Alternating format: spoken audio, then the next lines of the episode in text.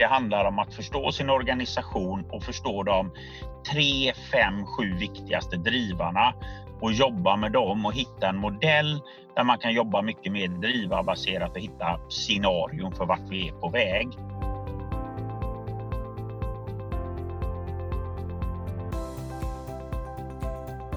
Varmt välkommen till Konkurrenskraft, podden där vi ju pratar om framtidens beslutsfattande, verksamhetsstyrning och ledarskap. Jag som håller i de här samtalen heter ju som tidigare Robin Askelöv och är marknadschef på Hypegen, ett eh, techbolag inom just beslutsstöd och verksamhetsstyrning som också ger ut den här podden. Det här är ett eh, extra avsnitt som ju kommer ut i tider som präglas av coronaviruset och hur det påverkar företag och beslutsfattare. För det är ju minst sagt speciella tider. Förutsättningarna för många svänger snabbt. Planeringsfrågor har blivit eh, klart mycket svårare på bara några veckor. Därför kommer vi också bryta lite mot det vanliga formatet i podden och eh, fokusera extra mycket på ämnet för dagen. Och dessutom då också vara klart mer nischade den här gången än vad vi kanske brukar vara. I eh, nästa avsnitt då är vi tillbaka i det vanliga formatet men jag är helt övertygad om att dagens gäst och ämnet är högrelevant för alla lyssnare som jobbar med företagens finansiella frågor. För nischat och lite mer djuplodande kommer det alltså att bli. Vi ska prata om hur man arbetar med den finansiella planeringen när det svänger snabbt. Och det gör det ju minst sagt nu. Bara för att ta ett exempel, budgeten för 2020 har många redan slängt i papperskorgen och det gäller ju även prognoser man la kanske bara för några veckor sedan. I det sammanhanget så seglar budgetlös styrning upp som ett eh, intressant alternativ. Där jobbar man ju både agilt och med rullande prognoser för att nämna några exempel. Och eh, för dagen så har jag därför bjudit in Rickard Olsson från konsultbolaget Ekan Management och eh, också faktiskt VD för Beyond Budgeting Institute. Varmt välkommen Rickard! Tack så jättemycket! Och eh, ska ju säga det nu när ni, när ni hörde ljudet här också med, med Rickard. Vi kör ju det här avsnittet via länk för första gången. Så det förklarar ju också lite annorlunda ljudet. Hur är läget i Göteborg, Rickard, där, där du sitter? Jo tack, eh, det är bara bra. Solen skiner idag i alla fall och eh, jag måste säga, jag är inne på kontoret och kom in för någon, någon timme sedan här mm. och Idag är det faktiskt eh, nästan lite känsla av vanlighet. Eh, mm. Rätt mycket folk inne på kontoret så att eh, just idag någon form av normalitet. Men naturligtvis är det så att, att, att jobblivet och även privatlivet har förändrats de sista veckorna så är det ju. Mm. Men just idag känns det rätt bra. Mm. Och alltid kul att prata om det här ämnet. Ja, nej, men intressant. Ja, för du är ju känd för, för många tror jag som lyssnar. För att sätta dig på kartan för lyssnarna så är du, vågar jag påstå, en av Sveriges och Europas ledande experter inom området budgetlös styrning, det man kallar för beyond budgeting. Eh, du har ju lång erfarenhet, både från linjen, du har ju varit chefscontroller på AstraZeneca bland annat och eh, sen sedan många år tillbaka så är du konsult och du jobbar ju dagligen med att utmana hur vi styr och leder organisationer. Hur upplever du den situationen som vi är just nu och har varit i i ett par veckor nu? Det finns väl ett ord som eh, beskriver var vi befinner oss och det är osäkert. Mm. I många fall så kan man ju ha en, en, osäkerhet som är intern eller du kan ha en osäkerhet som är extern. Eh, här har vi på något sätt båda och det som ytterligare agerar till osäkerheten är ju att vi inte vet vilken tidshorisont vi pratar om. Ja, Jag tror att många hade klarat av det här bättre om vi visste att det är till påsk eller det är mm. till den här situationen eh, längden. Så att det, det är liksom osäkerhet i så många aspekter. Mm och det gör den väl eh, extra speciell. Och, och tittar man i vår bransch, eh, konsultbranschen, så är det naturligtvis så att även om det tuffar på i rätt bra takt med de, eh, de projekt som redan är igång så är det ju så att det är nästan ingen som fattar beslut om framtiden idag. Mm. Vi kan väl komma tillbaka lite till det för det är ju en av svårigheterna man har som, som ledare och beslutsfattare idag är att hantera en situation som ändras varje dag. Och man kan nästan veta att man alla lyssnar väl in klockan två varje dag på mm. de här presskonferenserna. Och som, som du sa, att det kan ju eh, förändra rätt mycket. Och samtidigt så är det ju så, vi, vi får inte sluta göra det som vi måste göra, alltså planera för framtiden. Mm. Och det handlar om att eh, utveckla vår personal, utbilda vår personal, eller utveckla nya produkter, nya marknadslösningar eller vad det må vara. Så det är ju en av svårigheterna för ledarna idag, att hantera mm. det här som mm. vi ofta pratar om beyond budgeting, liksom både och det långsiktiga och det kortsiktiga samtidigt. Men om man eh, tänker de här kunderna som, som du pratar med och träffar, mm. mm. vad, vilka utmaningar upplever du att de brottas med nu? Och då tänker jag framförallt utifrån ett planerings och, och styrningsperspektiv. Ja. Du nämnde ju det här med att det, det är svårt att tänka såklart framtid och ta, och ta mm. beslut nu mm. kanske. Mm. Jag, jag, jag, tror det är, jag ska säga, det, det är två saker som är, är, är viktiga. Först är det den, vad jag skulle vilja säga, den reella världen om vi tittar på våra kunder inom bilindustrin och sitter man i Göteborg så är det rätt, rätt många både bil och lastbilar. Mm. Där blir det ju reella problem. Då så här, får vi ens några eh, material så vi kan tillverka bilarna? Och där är det ju så att man har fått stänga ner tillverkningen på grund av att supply chain och så är, är liksom stängd. Och, och, det finns ju massa företag med de reella problemen, alltså leverantörsproblem och mm. allting sånt Men, men minst lika viktigt är ju det tankesättsproblemet. Va? där vi i den här osäkerheten inte vet hur vi ska agera. Och vi är ju rätt vana vid att, att vända oss till experter och så. När inte ens experterna kan säga hur det kommer att bli i framtiden så, så får vi liksom det där tankeproblemet också som gör att vi ibland kanske väljer att inte fatta beslut överhuvudtaget. Ja, det. Och det ser jag väl som ett av de större problemen här, att vi liksom vi agerar som att det inte finns någon framtid och den kommer ju finnas någon framtid. Och vi kommer väl tillbaks till ett ord, tror jag, som jag tycker är rätt viktigt i de här orden. Vi har pratat väldigt mycket om att organisationer idag ska vara agila, det vill säga snabbrörliga och flexibla och sådär. Men mm. inte man får glömma det här ordet resiliens också. Alltså förmågan att återhämta sig efter en störning mm. eller att, att, att fortsätta leva under en extern störning. Och det tror jag är någonting som vi kommer att prata väldigt mycket om efter den här krisen. Mm. Vilka mm. organisationer, privata eller publika, visade sig vara mest resilienta? Alltså ha förmågan att återkomma till någon form av normal verksamhet så fort som möjligt. Mm. Agilitet kan ju vara ett sätt att uppnå resiliens, så, även om det inte alltid behöver vara på det sättet. Mm. Ehm, men, men där någonstans tror jag är, det är rätt viktigt att tänka på det där. Jag tänker att vi, vi kommer tillbaka till det, för att mm. du är inne på ett område som jag tycker är, är väldigt intressant och det är vad som kommer härnäst och, och ja. faktiskt vad som kommer ut av allt det här på andra sidan. Jag tänker att vi, vi också ska börja någonstans eh, med de här begreppen som vi har mm. nämnt nu med, med budgetlös styrning och beyond budgeting. Det är ju någonting som du är, är starkt förknippad med, för du är ju mm. ute mycket och pratar om de här grejerna. Ja. Och eh, Du nämner här också eh, ordet agilt och någonstans är det ju så också betydelsen av att kunna jobba agilt med då den finansiella planeringen har ju kanske aldrig varit lika aktuellt. Vilka är de viktigaste delarna att ha med sig i det arbetet skulle du säga om man ska vara riktigt bra på att tänka på just effektiv, flexibel finansiell planering? Mm. Eh, jag skulle vilja säga att jag brukar se det där som en femstegsraket kan man, kan man säga. Mm. Och då måste vi börja i att vi har transparent information.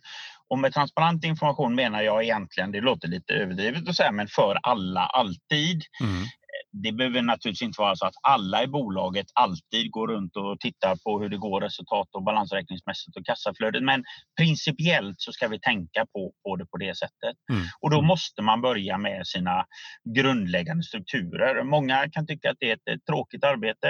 Eh, själv tycker jag det är bland det mest spännande man kan mm. göra. Att grotta ner sig i kodsträngar, informationsbärare, dimensioner och så vidare. Men det, det är jätte, jätteviktigt att göra. Och det, när man har gjort det så skulle jag ju då vilja att vi förändrar lite sättet vi ser på, på tidshorisonten. Att vi går till ett mycket mer rullande förhållningssätt. Mm. Och, och, väldigt många idag har ju börjat med att tänka rullande prognoser framåt. Jag tycker det är minst lika viktigt att vi tittar på rullande utfall. Mm. För det blir den starka styrningskraften blir när vi kombinerar det rullande utfallet, alltså mm. titta bakåt, med en rullande prognos genom att titta framåt. Bara genom att lägga de två linjerna i, i, i samma graf så, så, ser man väldigt tydligt om det här hänger ihop. Um, och då handlar det om att hitta en rullande prognos framåt som är i takt med din um, din rytm på ditt företag. Mm. Så den kan vara rullande tre månader eller rullande 12 eller rullande 15 eller rullande 24. Det spelar mindre roll. Mm. tänk att kombinera rullande bakåt, rullande framåt rullande utfall med rullande prognos, då blir det väldigt, väldigt starkt. Och i system idag är det ju inget som helst problem att göra detta. Det här, det här löser man ju väldigt, väldigt lätt. Mm. Den, den, den, tredje biten då är ju att gå från ett, vad jag kan tycka, lite gammalt sätt att bygga upp sin, sin prognos eller sina mål, det vill säga eh, i matrisen mellan konton från, från kontoplanen. Eh, och ibland är det ju så att företag till och med har alla konton med och alla kostnadsställen till att tänka mycket, mycket mer drivarbaserat. Mm. Eh, och det innebär ju också att man faktiskt får den, den ökade eh, delen att man tvingas tänka vad är det som är viktigt för vårt företag? Vad är det som faktiskt driver vår affär, våra kostnader och våra intäkter? Mm. Och kan man då också jobba med dem innebär ju det faktiskt att man kan jobba mycket snabbare oftare och man kan jobba mycket mer scenariodrivet. Genom att förändra ett antal av drivarna så kan man se hur förändrar det här då vår finansiella situation. Mm. Och då kommer vi in till det, till det fjärde biten för då kan du börja jobba med scenarion. Min bild just nu är att det är förlegat och blir lite konstigt att jobba med ett absolut värde, 11,6. Mm. Det, det, det, ger en falsk känsla av säkerhet. Det är mycket bättre att jobba med, med liksom mellan 10 och 14. 10 bygger på de här eh, förutsättningarna med våra drivare och 14 bygger på de här förutsättningarna med våra drivare. Och vi får en viss intervall och vi får en viss kontroll genom att förstå att inom det här intervallet vi bygger scenarios. Mm. Och sen kommer den sista biten när man har liksom kommit så långt. Då tycker jag att det är dags att koppla ihop dem rent finansiella nyckeltalen, den finansiella styrningen med, med andra, andra nyckeltal eller mål man har i organisationen som kan vara allting från andel nya kunder, hur stor del av våra, vår försäljning som ska vara från nya produkter, mm. hur stor andel eh, ska vi ha eh, ny personal eller om, personalomsättning eller vilken nöjd medarbetarindex vill vi ha. Så att gå från transparent information där vi vet vad eh, vi, vi för in i systemet mm. till rullande bakåt och framåtstyrning, drivarbaserat så att du kan jobba mycket enklare med scenarios och i det sista steget koppla ihop hela din styrning, den finansiella och den icke-finansiella. Det tror jag i framtiden kommer vara oerhört viktigt. Och jag tänker de här resonemangen som du har nu, om man, om man då liksom applicerar dem på eh, situationen som många sitter med just nu. Mm. Om, om vi tänker till exempel en VD eller CFO som lyssnar, sitter mitt i kaoset, man har en budget för 2020 som som sagt ligger i papperskorgen sedan ett antal mm. veckor och mm. man har svårt att blicka framåt. Men så kanske man inte jobbar utifrån Nej. de här principerna som du beskriver nu.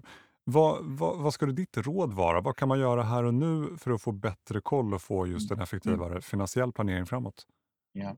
För, för det första så skulle jag faktiskt vilja gå ett steg tillbaka. Så det är mm. att även om vi inte har den extrema situationen vi har nu så skulle jag nästan vilja säga att de flesta organisationer, privata eller offentliga, hade vi något tillfälle, kanske inte redan nu på året, men ger det en eller två månader till så hade budgeten varit rätt irrelevant för de flesta andra.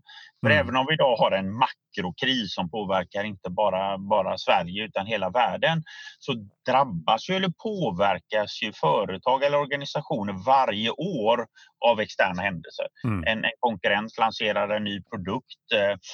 Eh, vår egen marknadsföringskampanj blev eh, bättre eller sämre än vad vi hade tänkt oss. Eh, vi har en strejk på en fabrik. Vi har ett vädersystem som är sämre eller någonting. Man får mm. inte glömma att jag jobbar med ett glassföretag. Och jag menar, väderpåverkan är ju liksom extrem för dem. Mm. Eh, så att jag tror att man måste se det här som att ja, idag är det så att alla drabbas av det. Ett vanligt, helt normalt vanligt år där vi inte har någon finanskris eller, eller en, en coronakris så är de flesta budgetar ändå helt, helt eh, mm verkningslösa efter antal månader. Och min, min bild brukar vara att jag menar, blir budgeten precis så som vi hade tänkt och hade planerat, då har den ju faktiskt inte hjälpt dig. För då mm. blev ju världen ändå som du hade planerat. Ja, du hade behövt planera. Och det året den inte blir som du har tänkt dig så hjälper det inte ändå för då blev det inte som du hade tänkt ändå. Så mm, mm. Eh, lite där.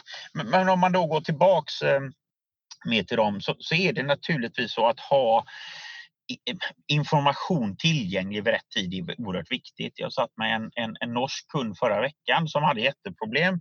Köpte ett nytt, nytt eh, prognosverktyg, rätt dyrt, som bygger på det där klassiska att man öppnar och stänger och det är byggt på kvartal och det är byggt på årsskiftet och de hade just gjort en, en ny prognos i början av året. De har inte ett, ett 12 månader som vårt år för de, de har lite annorlunda men det spelar mindre roll. Mm. Eh, och så kan de liksom inte öppna upp, för systemet är inte gjort för att öppna upp och göra en ny snabb prognos just nu. Det är också så att den är byggt enbart på konto och kostnadsställe om vi gör det så enkelt. Mm. Så att det är inte väldigt enkelt för dem att jobba till exempel med drivare. Eh, de har väldigt svårt att göra någon form av scenarior i det här systemet. Det är liksom en siffra som kan komma ut och den är enbart eh, finansiell mm. och den bygger egentligen bara på kontostyrning. Där man idag hade velat öppna kanske systemet att kunna göra en, eh, för dem, en prognos varje månad nu. De vill för att den ska gå snabbt och effektivt så har de velat ändra ett antal drivare och de hade också velat jobba med tre eller fyra scenarion, det vill säga eh, om det här händer så ser det ut så här. Blir den här krisen en eller två månader längre så kommer mm. detta innehålla och så där. Så att jag tycker att man i framtiden så tror jag att man kommer vara vid upphandling av systemlösningar och sådär mycket, mycket mer noggrann med att se att flexibiliteten finns, att vi kan använda systemet mer dagligdags mm. och att systemet själv begränsar oss i, i det här. Då. Eh, det andra sättet är också att det är, jag tror att man måste ha ett mycket mer eh, demokratiskt system. Alltså fler människor ska kunna gå in och ändra och jobba i systemet eh, eh oftare. Mm. Så det här gamla systemet att systemet är öppet mellan den, den 23 februari 14.00 och så ska det vara stängt det här datumet. Vi jobbar bara med årshorisont. Jag tror inte riktigt på det. Man mm. måste kunna mm. jobba på ett lite mer, mer agilt, agilt sätt i framtiden då. Finns det någon ordning i hur man kan ta tag i de här sakerna om man skulle vilja börja få en bättre struktur idag? Ja. Är det något som är viktigast att börja med och annat som kan vänta? Ja, alltså jag, jag tror ju att om, om, man tittar på, på den väldigt, väldigt kortsiktiga situationen så tror jag det bara handlar om en sak. Det handlar om att förstå sin organisation och förstå de tre, fem, sju viktigaste drivarna och jobba med dem och hitta en modell där man kan jobba mycket mer drivarbaserat och hitta scenarion för vart vi är på väg. Mm. Du kan inte köra igång hela din stora prognos eller scenariosnurra utan det måste bli lite enklare. Du måste jobba med scenarion, du måste jobba med att du förstår att du har ett antal olika utfall och de måste på något sätt vara, vara lite drivarbaserade. Mm. Om vi då går tillbaks till, till liksom vad, hur man ska tänka lite längre så bygger det ju egentligen på det där också. Se till att du i framtiden har en för så god förståelse för din organisation så att du kan använda dig av drivare, så att du kan använda dig av scenarion, så att du kan förstå vart du är på väg. Snabba svaret är att man kanske måste hitta snabba fixar runt det här, men svaret är egentligen detsamma långsiktigt. Mm. Och jag tror ju att vi kommer att se en viss förändring i att man förstår att vi måste jobba på ett annorlunda sätt. De här gamla tungrodda processerna där det kan ta en, en månad att ta fram en prognos, eh, det är liksom förlegat. Mm. Och vi har ju också gjort en, en, en viss undersökning ibland hos vissa kunder där vi går in och ser och, och, där kan vi se att en budgetprocess eller en prognosprocess består till en viss del där ny information skapas där vi förstår våra kunder, våra produkter, vår kostnadsmassa eller någonting.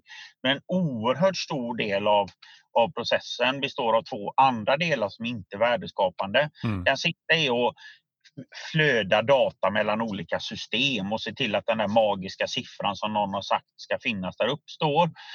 Och där måste vi liksom bli snabba. Där måste man ha riktiga BI-lösningar så man inte skickar massa Excel fram och tillbaka. Så någon har formaterat det på ett visst sätt och någon har lagt till en ny rad och man inte kan summera. Mm. Och den andra är det här politiska spelet där man egentligen bara diskuterar. Oj, det var inte den siffran som jag hade hoppats vi skulle få eller så. Mm. Utan att, att eh, man bara använder det till politiska så att det blir någon siffra där som inte betyder något. Det är varken målsättningen, vart vi vill komma, eller prognosen vad vi tror ska komma, utan det är en förhandlad siffra i mitten. Mm.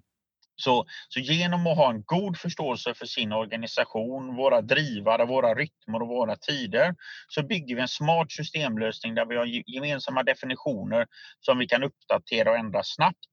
Vi tar bort det politiska spelet och vi tar bort alla Excel som snurrar runt och, och där i systemet. Mm. Eh, ja, för vi får inte komma att även om vi har kommit rätt långt vad det gäller BE-lösningar och framförallt i Norden om jag jämför med, med, med övriga Europa och sådär, mm. så är det långt att gå fortfarande. Det finns fortfarande alldeles för mycket Excel som snurrar runt i både offentliga och privata bolag och stora som små bolag. Och det måste vi liksom ta bort. Apropå just eh, skillnaden mellan, mellan bolag här. Skulle du mm. säga att dina råd skiljer sig åt eh, beroende på vilken typ av eh, verksamhet man sitter på? För jag tänker det kan ju variera beroende på om man sitter på ett litet eller stort mm. bolag mm. eller privat eller offentligt för den delen. Ja, och svaret på den frågan är egentligen både ja och nej. Den är nej för de principerna som vi använder oss av och jobbar med Beyond Budgeting fungerar för små bolag, de fungerar för stora bolag de fungerar för privata bolag och de fungerar för offentliga bolag. Så principerna hur man ska jobba skulle jag vilja säga, nej, de är, jag går in med exakt samma bilder eller mm. exakt samma tankesätt i, i alla typer av organisationer vi jobbar. Svaret är att lösningarna kommer vara helt olika beroende på bolag eller offentlig organisation. Och då spelar det egentligen ingen roll om det är stort, litet eh, eller vad det är. Då är det precis hur det bolaget ser ut, hur man mm. jobbar, de drivarna som finns där. Som principerna kan leva universellt för alla typer av organisationer, men lösningarna måste alltid bli specifika. Mm. Det är väl det som är skillnaden också tycker jag med vårt sätt att angripa det här mot många andra så är att vi vet inte hur det kommer att se ut förrän vi är klara med processen. Och den processen kommer säkert att ändras över tid. Om vi tar det mest eh, klassiska exemplet i Sverige, Handelsbanken som startade den här resan 1972. Mm. Eh, lika gammal som jag själv är så mm, börjar de säga att vi börjar väl lära oss ungefär hur vi ska jobba med den här frågan. Okay. Ja. Det har gått 48 år eller mm. Någonting. Så, att, så svaret är enkelt. Principerna går att applicera på alla typer av organisationer. Lösningarna kommer alltid bli specifika för att passa den organisationen. Mm. Vilket också innebär att går man till en systemlösning som är oflexibel så kommer det här inte funka för då kommer du bara ha en lösning som ser ut som alla andras lösningar. Och då kommer du bli likadan som, som dem. Du vill skapa en marknadsmässig eller produktmässig fördel genom ditt styrsystem och då måste det ju vara originellt och flexibelt och agilt och annorlunda än alla andras. Mm. Och då måste ju din systemmässiga lösning vara så flexibel så att den hanterar det också. Och du, eh, jag tänker det här med, om, innan vi går vidare, finns det motståndare till eh, Beyond Budgeting och hur hade de i sådana fall invänt mot eh, det du har pratat om hittills? Ja, tro det eller ej så finns det ju faktiskt ett antal eh, motståndare fortfarande. Jag, själv kan jag inte förstå det. Men, men, men, om man egentligen tittar så är det tre typer av eh, frågeställningar de fokuserar på. Den, den absolut första handlar om det här känns ju jätteobehagligt för jag tappar kontrollen. Mm. Har jag inte en fast siffra kopplad till varje enskild persons ansvar i bolaget, hur tusan ska jag ha kontroll? Det känns så skönt när den där siffran är klar. Eh, min gamla tid på, på Pasta Seneca så det är klart att jag, det var ju också jätteskönt den där fredagen klockan fem när systemet stängde och alla tusentals celler var populerade. Mm. Varenda kostnadsställe var liksom i den det siffran vi hade och det aggregerades upp på ett jätte, jättefint sätt och så kunde man gå hem och äta räkor och ta en flaska vitt vin. Så var allt klart. Och så kom man tillbaka till måndagen och då var det ju egentligen inte en enda siffra av dem som stämde eller var sanningen. Mm. Så att någonstans är det där man måste förstå att vi har ingen kontroll ändå.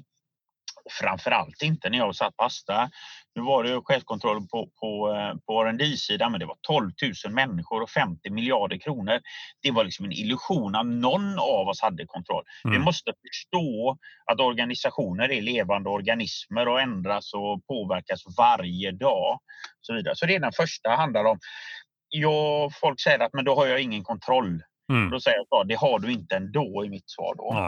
Ja, den, den, andra biten är liksom att men kostnaderna kommer ju bara skena iväg.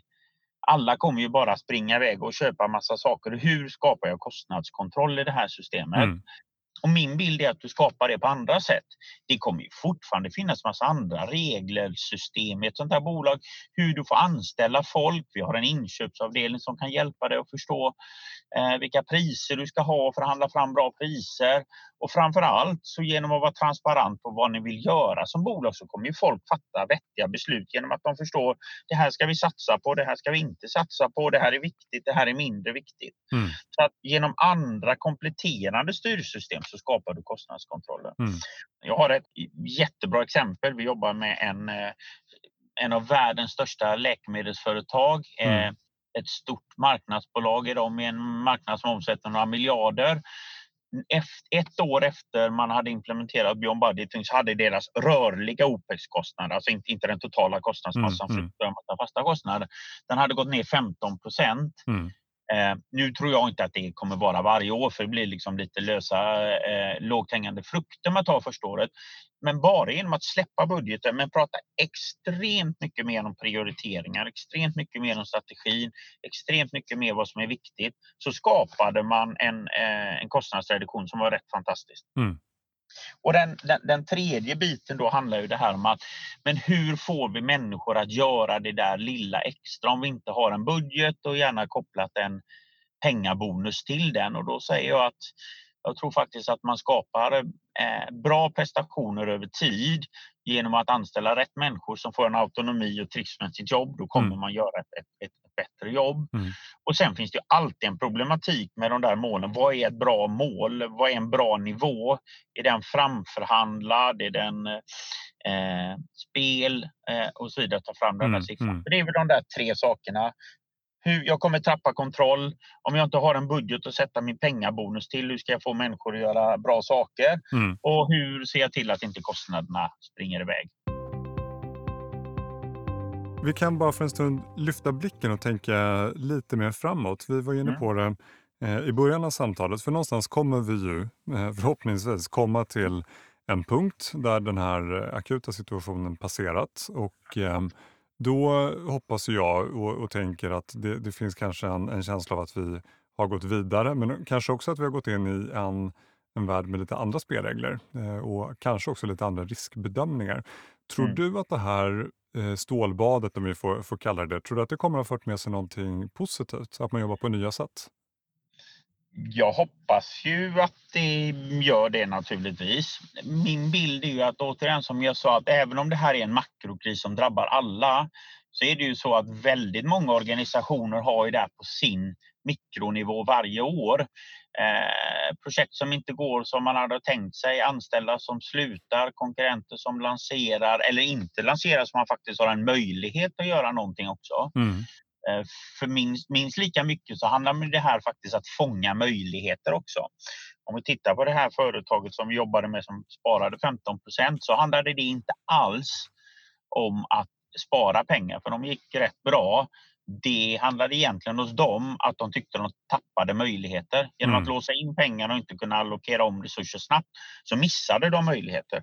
Och det tror jag att, att vi ser. Vi ser ju rätt mycket om, om man tittar i Beyond Budgeting när vi haft våra vågor av nya företag och organisationer som kommer in så var det en jättevåg efter 2008-2009, den finansiella krisen. Mm. För folk började jobba på ett annorlunda sätt. Och så tänkte de när den där krisen var över, varför ska vi gå tillbaka till det andra då? Det här visade sig faktiskt funka. Eller till och med det här kanske räddade vår överlevnad när vi ser att det här lyfter faktiskt. Jag är, jag är rätt övertygad att ni har massa anställda som har kommit med jättemycket konstiga, udda men bra idéer mm. för hur ni ska kunna göra saker och ting annorlunda. Tänk om ni fick lika många idéer en helt vanlig vecka. Ja, just det. det här. Och det är liksom det som är min bild och alla bolag man kommer på sätt att spara kostnader eller öka intäkter eller jobba på ett annorlunda sätt. Och det är ju egentligen det vi vill Mm, helt vanlig tisdag i november när, när livet är som vanligt och det regnar och det är lite snöblask ute i, i Göteborg. Vi vill ju ha den drivkraften i varje dag. Mm. Och vi tror ju att Beyond Budgeting är ett sätt att liksom lösa upp och se till att det blir på det sättet. Så mm. Förhoppningen är naturligtvis att många eh, tänker efter vad var det som gjorde att det här blev bra då? och så bygger man in det i sina strukturer även för framtiden. Mm. Jag tänkte innan vi, vi rundar av, bara två, två frågor som jag tycker är lite intressanta. Vi har ju pratat nu mycket om eh, budgetlös styrning, beyond budgeting. Ja. Ehm, hur duktiga skulle du säga att vi är i Sverige på det här i förhållande till, eh, till andra länder? Mm. Ja, jag skulle vilja bredda det lite och säga egentligen Norden. Mm, Sverige, mm. Sverige, Danmark eh, och Norge är väl egentligen vår stora, stora hemmamarknad. Så Mm. vi säger så. Eh, sen försöker vi oss jobba ut, utifrån den. Det, det intressanta perspektivet där är ju att, att Finland är väldigt, väldigt annorlunda. Mm. Men det man- man, kan, man kan säga det väldigt enkelt. Alltså går vi från, från Norden och neråt i Europa så blir det svårare och svårare med de här frågorna ju längre ut man kommer. Östeuropa, Sydeuropa och så vidare. Av någon konstig anledning så finns det ett litet intressant kluster i Portugal faktiskt av alla länder. Där. Men det ber- beror på att vi har ett, ett jättebra exempel där nere och ett, en, ett universitet faktiskt i, i Portugal jobbar väldigt mycket med Mm. de här frågorna. Men annars kan man, kan man fråga sig vad beror det på? Och jag tror egentligen det beror på, på, på tre saker. Det, det första är att ingen av hemmamarknaderna för danska, norska eller svenska bolag är egentligen tillräckligt stor. Är du i Tyskland, Frankrike, USA så är hemmamarknaden till. Vi måste ut i världen. Mm. Vi måste vara öppna. Det har gjort att vi är rätt bra i de här eh, länderna på att vara öppna för innovationer och tänka nytt. Mm. Och något intressant till exempel är ju att det, jag menar, det är ju rätt många av, om vi tittar faktiskt på, på IT-branschen brett, spelbransch eller musikstreaming eller för den delen den typen av system ni håller på med så ligger vi ju oerhört långt framme. Mm.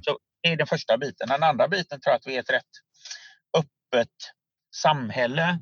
Vi får inte glömma att vi i Sverige har under hundratals år haft något som heter offentlighetsprincipen. Mm.